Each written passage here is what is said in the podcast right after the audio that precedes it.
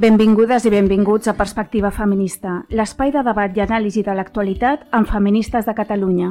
Crecimos con el miedo de ser más frágiles. Perdimos Per entendre la realitat que ens envolta i denunciar les desigualtats entre dones i homes. Somos, somos las nietas de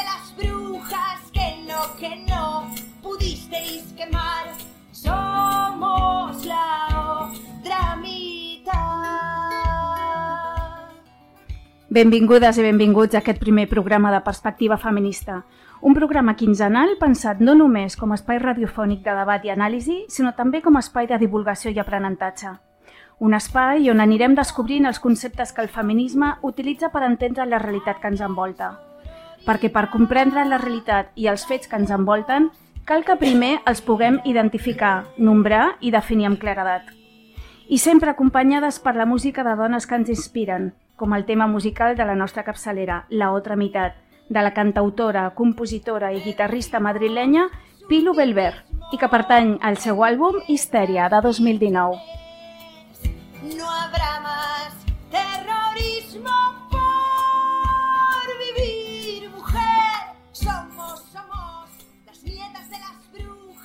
Els diferents capítols de perspectiva feminista seran capítols monogràfics i en cadascun d'ells comptarem amb quatre seccions diferents. Una breu introducció al tema protagonista amb una servidora, Pat de Lídia, la nostra wiki feminista amb l'Erika Bastide, la secció d'actualitat en perspectiva feminista amb la nostra companya Anna Gran i, finalment, la nostra Fem Talk, on entrevistarem expertes en la matèria. Som-hi!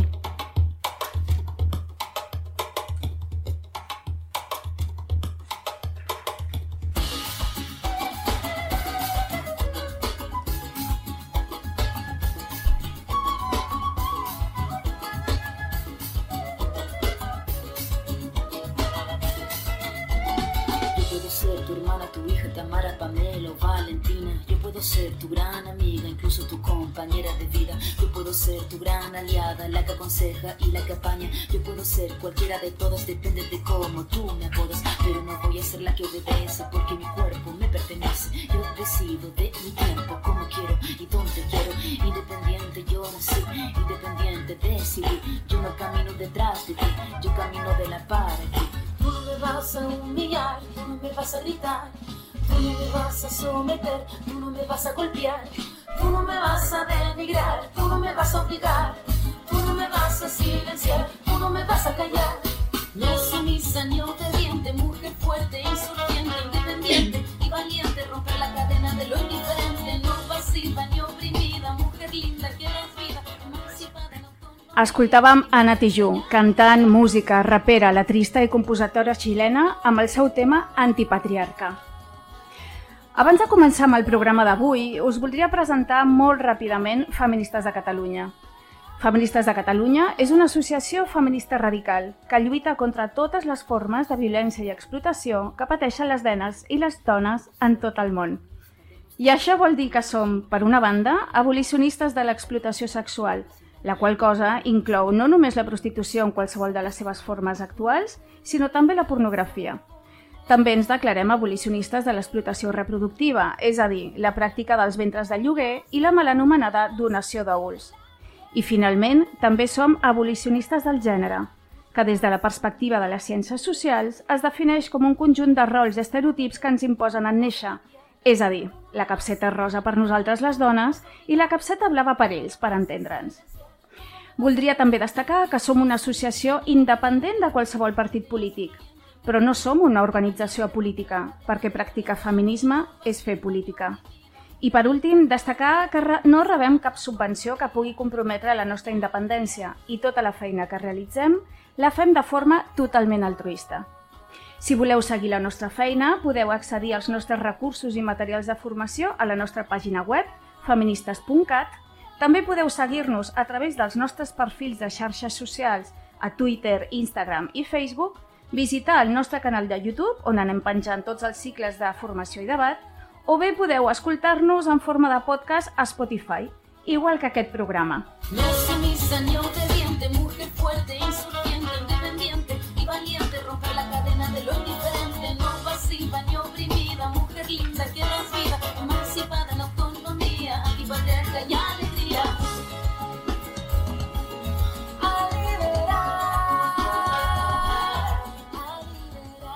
I ara sí, comencem.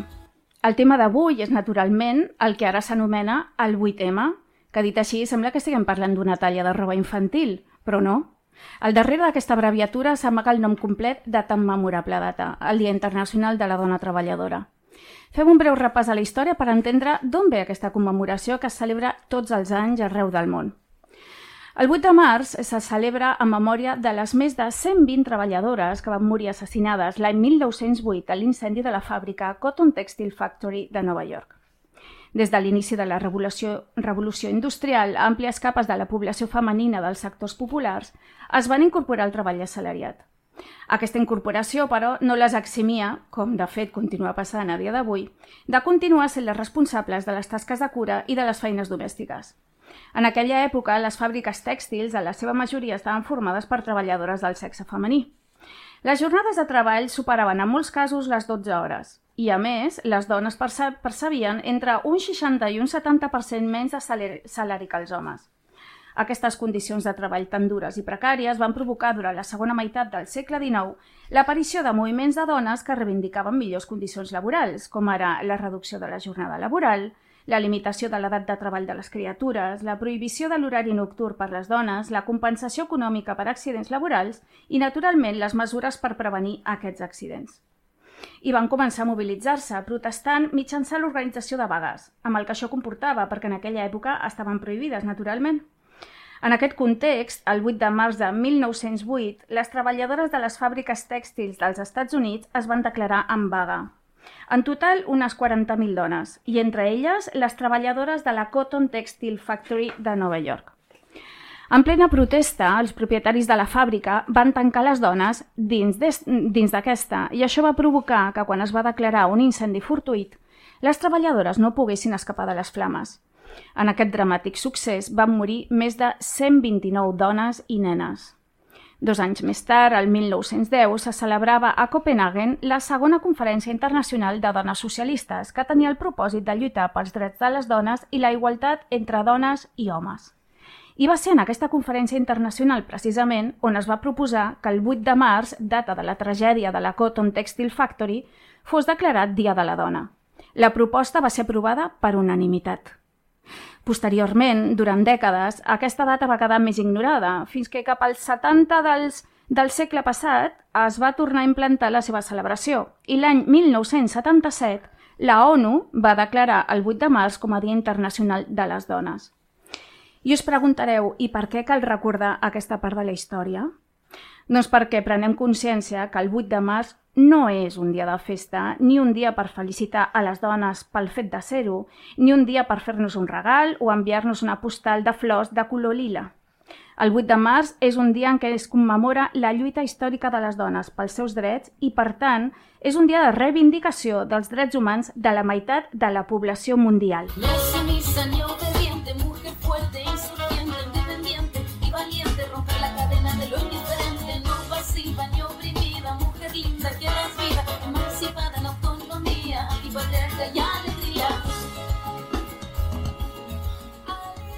I seguim amb més coses. Arriba la secció d'actualitat, amb l'Anna Gran.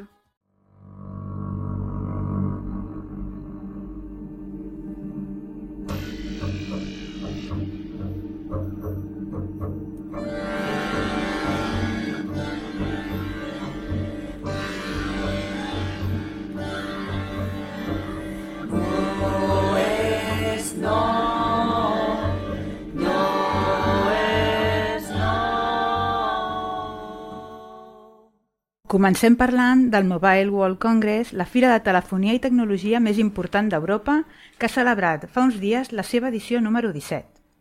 Aquest congrés de telefonia mòbil, que se celebra anualment a Barcelona, atrau un gran nombre de multinacionals i els seus alts executius. Aquest any ha plegat més de 2.000 empreses de 200 països de tot el món i 88.500 assistents, dels quals només un 26% eren dones, una dada que no ens sorprèn perquè ja sabem que les dones encara són minoria en la major part de formacions en ciències i tecnologia i també en el terreny laboral del sector tecnològic en general. El mobile té un gran impacte en l'economia de Barcelona, L'edició d'enguany ha suposat un impacte de 350 milions d'euros segons estimacions de la pròpia organització i la creació de 7.400 llocs de treball temporals a la capital catalana. Fins aquí tot sona prou bé.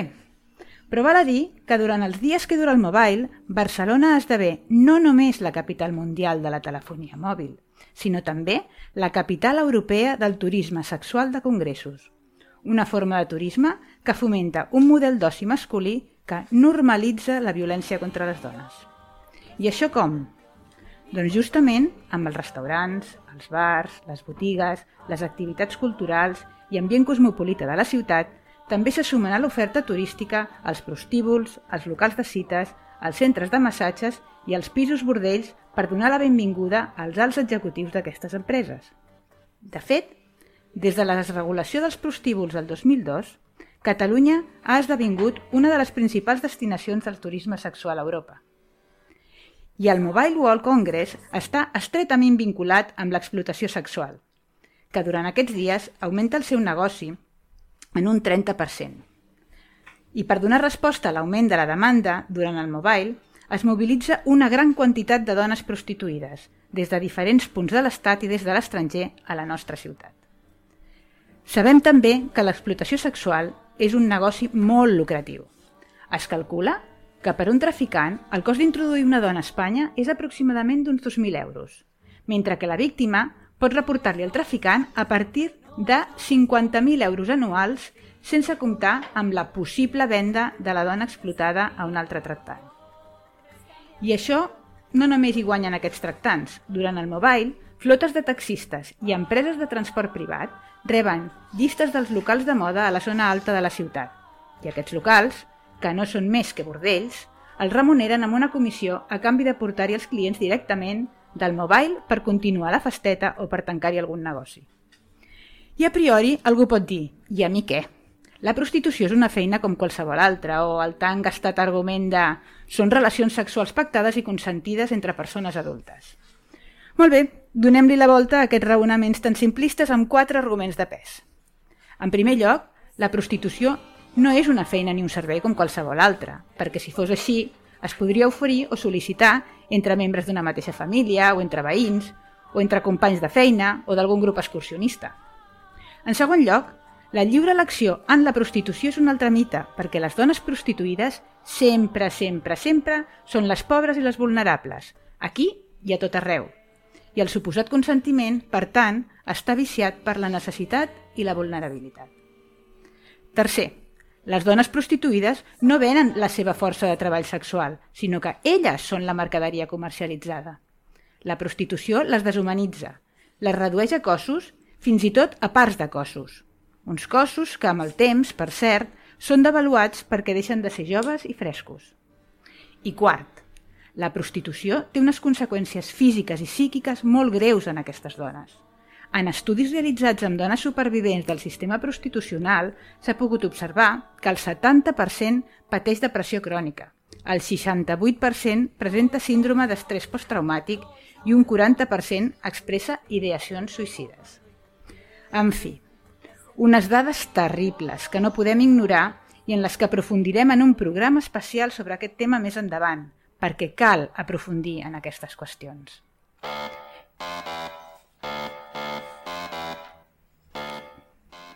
I ja per acabar, recordar a les nostres oients que aquest 8 de març les feministes de Catalunya sortim al carrer a reivindicar els drets de les dones i animar-les a que s'uneixin al bloc abolicionista no mixt.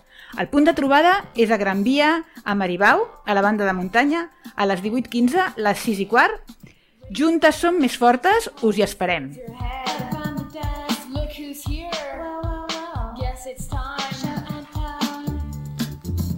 Benvingudes a la Wiki Feminista, un espai d'aprenentatge on reforçarem els coneixements fonamentals de la teoria feminista. Jo soc Erika Bastide, i avui començarem per les bases.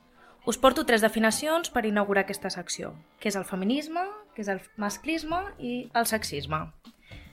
El feminisme és una teoria política revolucionària i un moviment social i polític d'emancipació. Com a teoria feminista, analitza els mecanismes que produeixen la, desigualtat entre els sexes i la subordinació de les dones i nenes arreu del món. Com a moviment organitzat, lluita per l'emancipació de les dones i la igualtat real, legal, material i efectiva entre dones i homes, i proposa una agenda de caràcter internacional. Potser sorprèn una mica que parli de feminisme en singular i no de feminismes, en plural. Aquesta idea la podem trobar tot arreu, des d'associacions locals fins al mateix departament que es diu d'Igualtat i Feminismes. En el fons, sembla defensar que el feminisme té diferents corrents i totes són igual de vàlides. Encara que siguin contradictòries, per exemple, un feminisme neoliberal et considera que sexualitzar-nos ens empodera, mentre que el feminisme radical, que va a l'arrel del problema, entén que això és fer el que volen els homes. Parlar de feminisme de feminismes, perdó, sembla introduir la idea de que el feminisme no és una teoria política completa en si mateixa o lo suficientment inclusiva i per això l'hem d'anar afegint complements, ecologisme, antiracisme, les orientacions sexuals... El feminisme s'encarrega dels drets del 52% de la població mundial, les dones i les nenes. Òbviament, dins d'aquesta categoria de dona hi ha molta diversitat, moltíssima.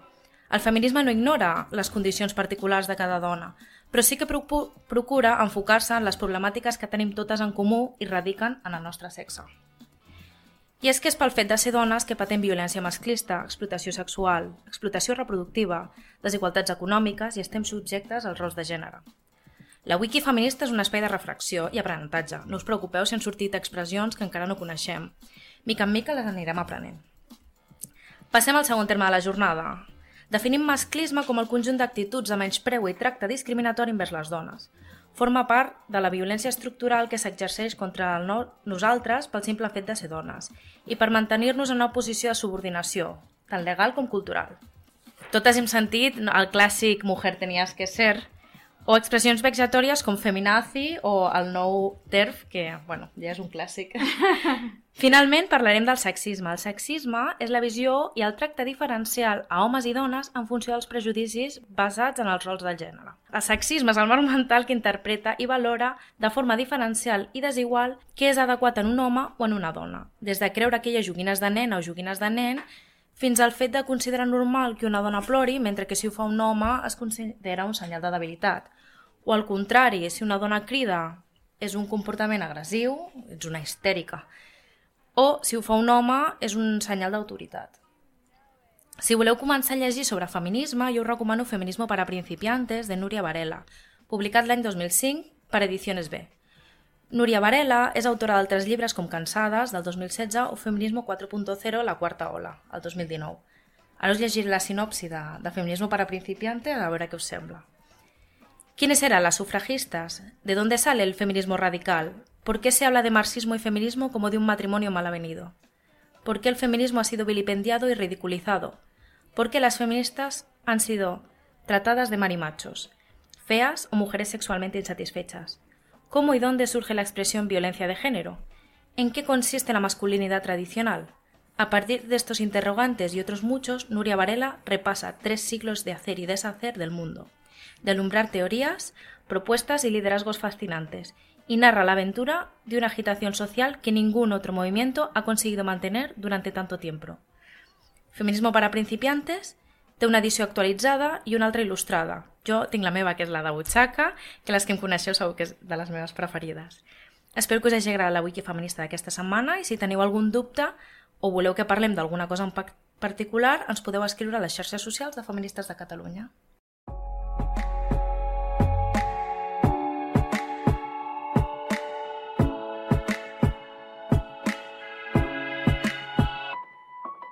I a la nostra Fem Joc d'avui parlem amb Sílvia Carrasco, doctora en Antropologia, professora titular del Departament d'Antropologia Social de la Universitat Autònoma de Barcelona i presidenta de Feministes de Catalunya. Hola Sílvia, benvinguda. Hola, què tal? Um, escolta'm, uh, aniré, aniré molt al gra. Et vull plantejar tres eh, preguntes bàsiques i partim d'una idea que és una de les coses que sovint les feministes ens hem de sentir-nos dir, com per exemple que a dia d'avui les dones del món occidental ja gaudim de drets en igualtat amb els homes. Què els diries a aquestes persones? Quines creus que són les raons de ser del moviment feminista a l'actualitat i quines són les seves reivindicacions actuals?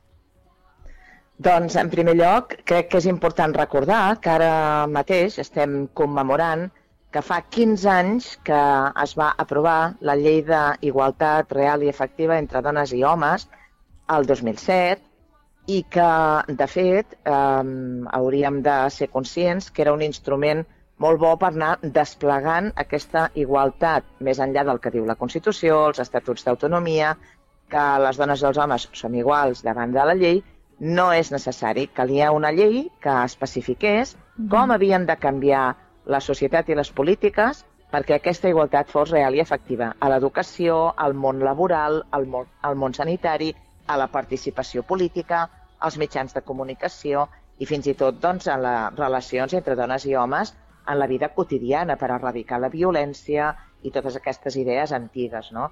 Si Mhm. no hagués estat necessari, el, fa 15 anys, doncs no hi hauria hagut una llei d'igualtat. I ara, que commemorem aquests 15 anys de la seva aprovació i fem balanç, ens adonem que encara hi ha moltíssim camí per recórrer i que fins i tot anem una mica enrere, perquè, per exemple, la violència eh, té unes xifres insuportables. La violència que acaba amb l'assassinat de dones, no hi ha setmana que no en tinguem alguna notícia.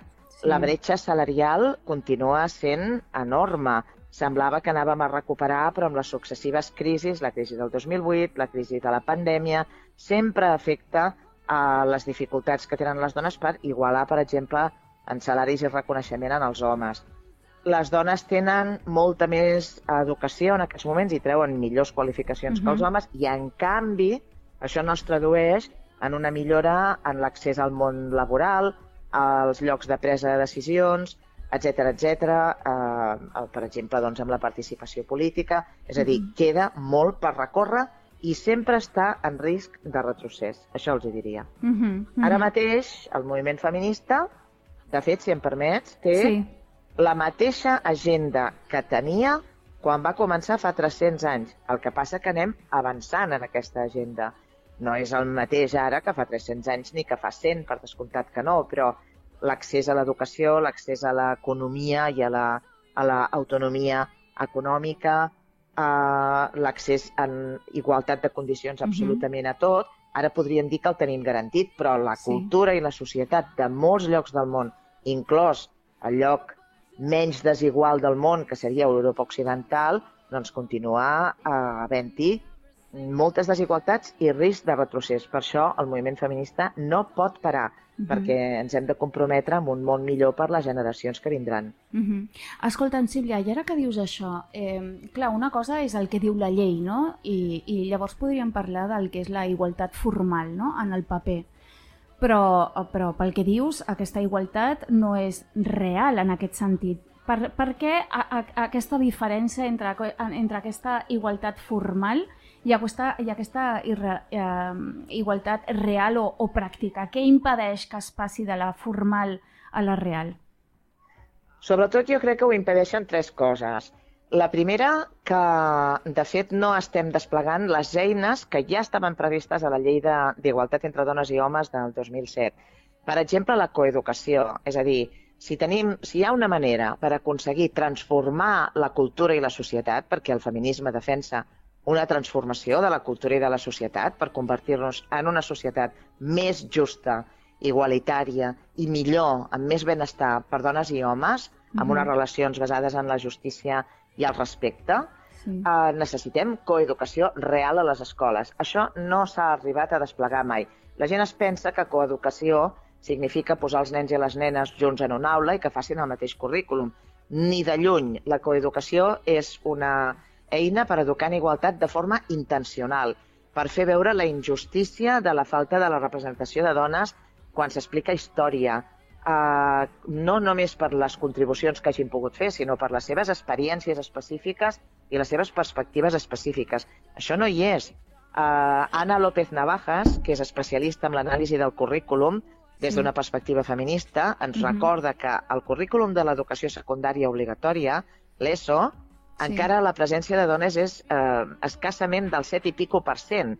Eh, això passa doncs, també amb la forma d'organitzar la societat. No? Es pensa que eh, es parteix de, diríem, el que Gerda Lerner en diu la teoria de la compensació, és a dir, per assolir la igualtat les nenes han d'arribar a fer el mateix que fan els nens. No, no, això mm. no és la igualtat. Mm -hmm. La igualtat és posar en valor els sabers de les dones i, i d'aquesta manera que els homes també aprenguin, per exemple, a cuidar, a corresponsabilitzar-se de les cures. Uh -huh. Això és el que ensenya la coeducació. Uh -huh. I això, per desgràcia, no s'ha arribat a desplegar mai, ni es pren seriosament, ni es forma el professorat perquè ho faci. I ara encara menys perquè es fa servir la coeducació per introduir idees totalment contràries als drets de les dones i a la igualtat, no? Uh -huh. com ara l'agenda transgenerista, que està utilitzant la paraula coeducació per introduir idees que tenen a veure eh, no amb el, els sistemes d'opressió de les dones i analitzar-los i erradicar-los, sinó amb les identitats subjectives i amb, amb idees falses absolutament uh -huh. contràries al coneixement, com ara que el sexe es pot escollir i que la, la identitat eh, depèn dels sentiments i estan uh -huh. eh, negant que ser dona sigui una realitat material i objectiva que és, de fet, l'origen de l'opressió, no? i per tant, doncs, les polítiques per erradicar-la han de basar-se en les experiències de les dones reals, mm -hmm. no de mhm. les dones sentides. Mm -hmm. Mm -hmm. Exacte. Escolta, de fet, jo sé que tu portes anys investigant sobre aquesta temàtica, sobre el tema de la coeducació i de com, i de com s'ha anat substituint per altres continguts, no? encara que es mantingui l'etiqueta. Eh, I que, fruit d'aquesta recerca, has escrit un llibre, no?, junt amb altres autores. Ens podries parlar una mica del contingut d'aquest llibre? Sí, i tant, no? Moltes gràcies. Bé, el llibre es diu La coeducació sequestrada, uh -huh. Justament perquè el que planteja és uh, com la coeducació i el feminisme, de fet la, co la coeducació com a principal eina de transformació social i cultural que aporta el feminisme, uh, de fet està sent segrestada per aquestes altres ideologies que són totalment conservadores, contràries a l'emancipació i a l'alliberament de les dones i a, i a la consecució d'una societat més justa i igualitària entre dones i homes. No? Llavors el que hem fet ha estat posar en un marc internacional de, del capitalisme neoliberal que sobretot necessita mercaderies per explotar, on la, la primera mercaderia són els cossos de les dones per explotació sexual, explotació reproductiva, objecte de disciplinament i violència.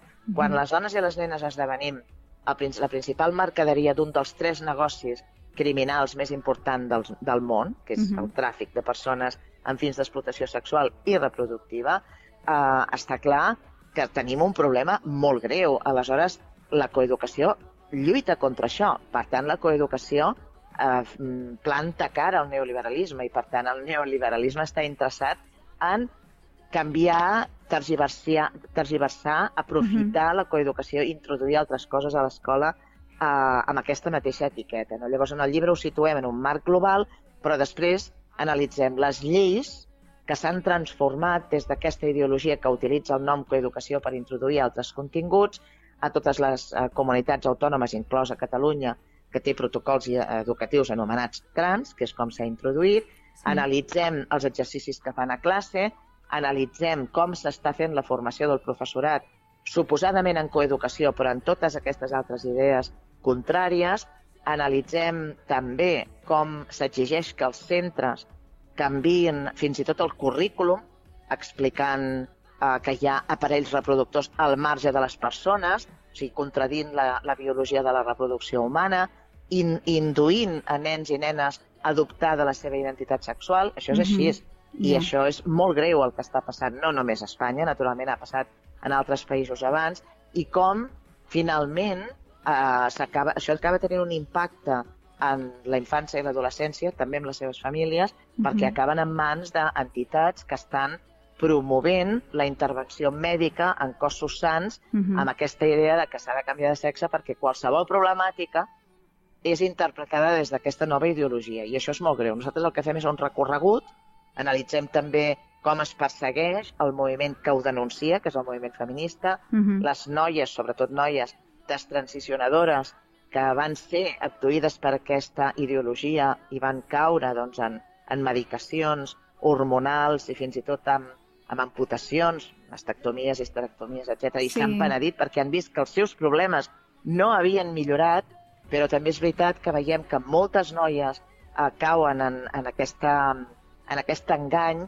perquè fugen d'uns models de dona impossibles. De fet, hi ha moltes Mm. més nenes i noies que estan caient eh, víctimes d'allò que ja s'està introduint des de les escoles i la cultura de masses i acaben a les unitats de tractament de la identitat de gènere Sí. absolutament destrossant la seva salut. Sí, farem un programa especial sobre aquest tema perquè realment crec que és una, una qüestió molt greu en la que hem d'aprofundir. Escolta'm una cosa, Sílvia, i a, aquest llibre que heu publicat, quina rebuda està tenint? Mira, està tenint una rebuda doble, diríem que molt bona per una banda i amb un boicot claríssim per una altra. Uh, està, està, s'està venent molt bé, hi ha moltíssim interès, molta gent ens pregunta, ens demana que fem xerrades, que fem presentacions a tot l'Estat. No només a tot l'Estat, aquesta tarda n'he fet una a via webinar per Llatinoamèrica, uh, on hi havia Argentina, Xile, Colòmbia, Mèxic, etc. Uh, N'hem fet en anglès per Women's Declaration International, uh -huh. on Mhm. hi ha eh, dones que es poden apuntar en, el, en els eh, webinars que es fan cada setmana per analitzar qüestions feministes de tot el món. Uh, I doncs, uh, n'hem fet algunes per, també per Catalunya. Però les últimes han estat objecte de boicot i ens han impedit fer-les. En concret, a Badalona i a Sant Cugat del Vallès, Uh -huh. el moviment transactivista ha anat a amenaçar les llibreries amb destrossar-los el material i acusant-nos naturalment de transfòbia perquè impedeixen que es pugui presentar idees contràries a la seva ideologia de Mhm. forma totalment totalitària amb amenaces de violència. No? Ja, I aquesta, eh, és, això és una pena, clar. no ens ha passat, per exemple, la setmana passada, el cap de setmana passat vam estar a Sant Sebastià, Uh -huh. Vam estar a Vitoria amb moltíssim públic, moltíssim interès.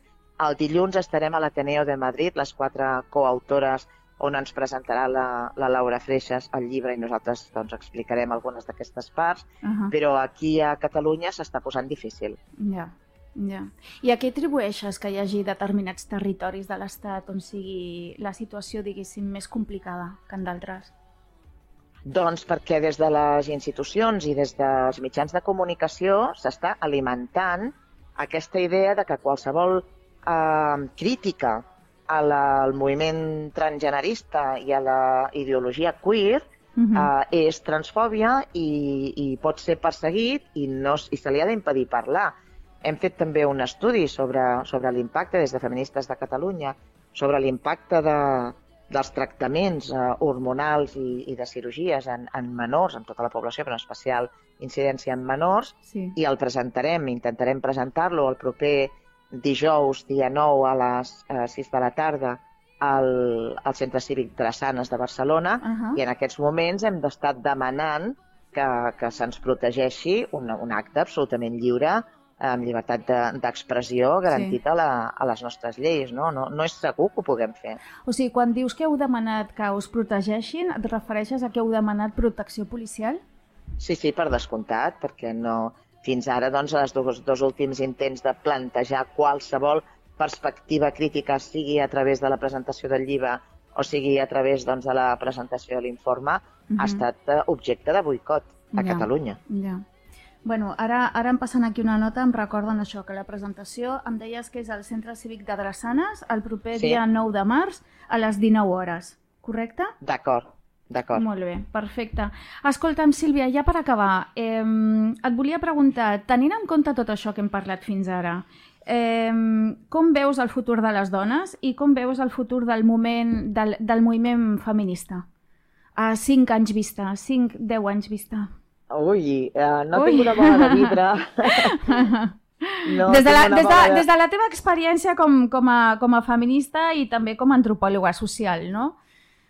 Bé, jo, jo crec que, que la, el moment actual eh, és molt decebedor perquè precisament s'acaben d'aprovar dues lleis que em sembla que són molt negatives per les dones. Eh, Mhm. la llei eh, de llibertat sexual, coneguda popularment com la llei del sí és sí, Uh -huh. que amb una idea, jo crec, ingènua eh, sobre les penes que han de complir els agressors sexuals, el que s'està veient és que hi ha gairebé ja 800 agressors i delinqüents sexuals que han vist reduïdes les seves penes Sí. i alguns d'ells han estat eh, eh, deixats anar de la presó. Correcte, per tant, sí. suposen no només una amenaça per les seves Mhm. víctimes, que, que, per les que van ser les seves víctimes, com per totes les dones. O sigui, a veure, això no pot ser. Si això el que ha de fer és protegir les dones en un moment d'augment mm, de la violència sexual, Exacte. està clar que no pot rebaixar les penes ni pot, Mhm. ni pot augmentar el risc d'aquesta mateixa violència entre les dones. O sigui, aquesta Mhm. llei s'ha de revisar clarament. Sí. Ja van advertir-ho les juristes feministes. Sí. Això s'acabarà fent.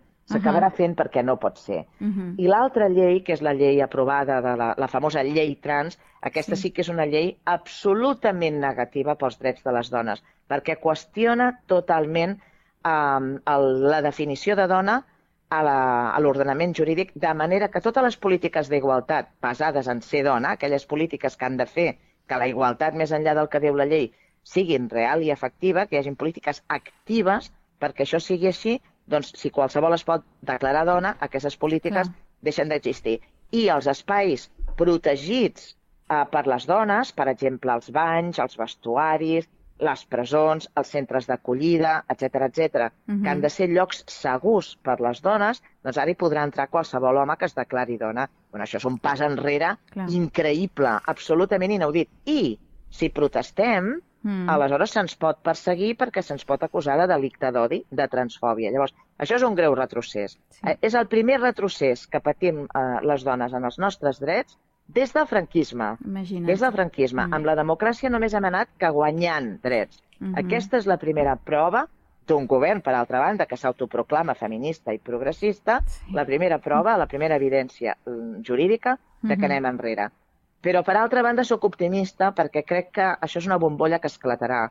Eh, no es pot anar defensant ideologia que té eh, un impacte lesiu directe contra els drets de les persones. Això esclatarà. Molta Mhm. gent no sap què s'ha aprovat ni quines conseqüències té. Quan la gent ho comenci a veure, i ara ja s'està començant a veure amb el cas de la llei del sí és sí, però començarà també amb l'impacte de, de la llei trans, tot això naturalment s'haurà de revisar i s'haurà de derogar i aconseguirem la seva derogació.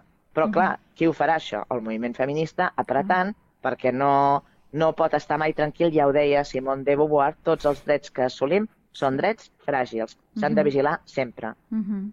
Doncs amb aquesta idea ens quedem, amb aquesta visió de futur, amb una mica d'esperança.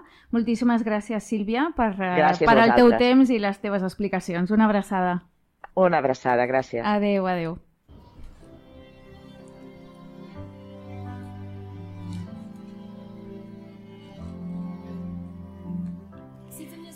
I fins aquí el primer capítol de Perspectiva Feminista. Gràcies per la vostra atenció i també gràcies al nostre tècnic Mario, d'Eixample Barcelona Ràdio, per la seva inestimable ajuda. Bona setmana a tothom, salut i feminisme. Ens acomiadem amb Poderoses, una cançó d'un col·lectiu de dones que podeu trobar a poderoses.org i que es defineixen a si mateixes com Mujeres unidas por las ganas de cambiar el mundo, defender nuestros derechos y acabar con todas las violencias contra las mujeres.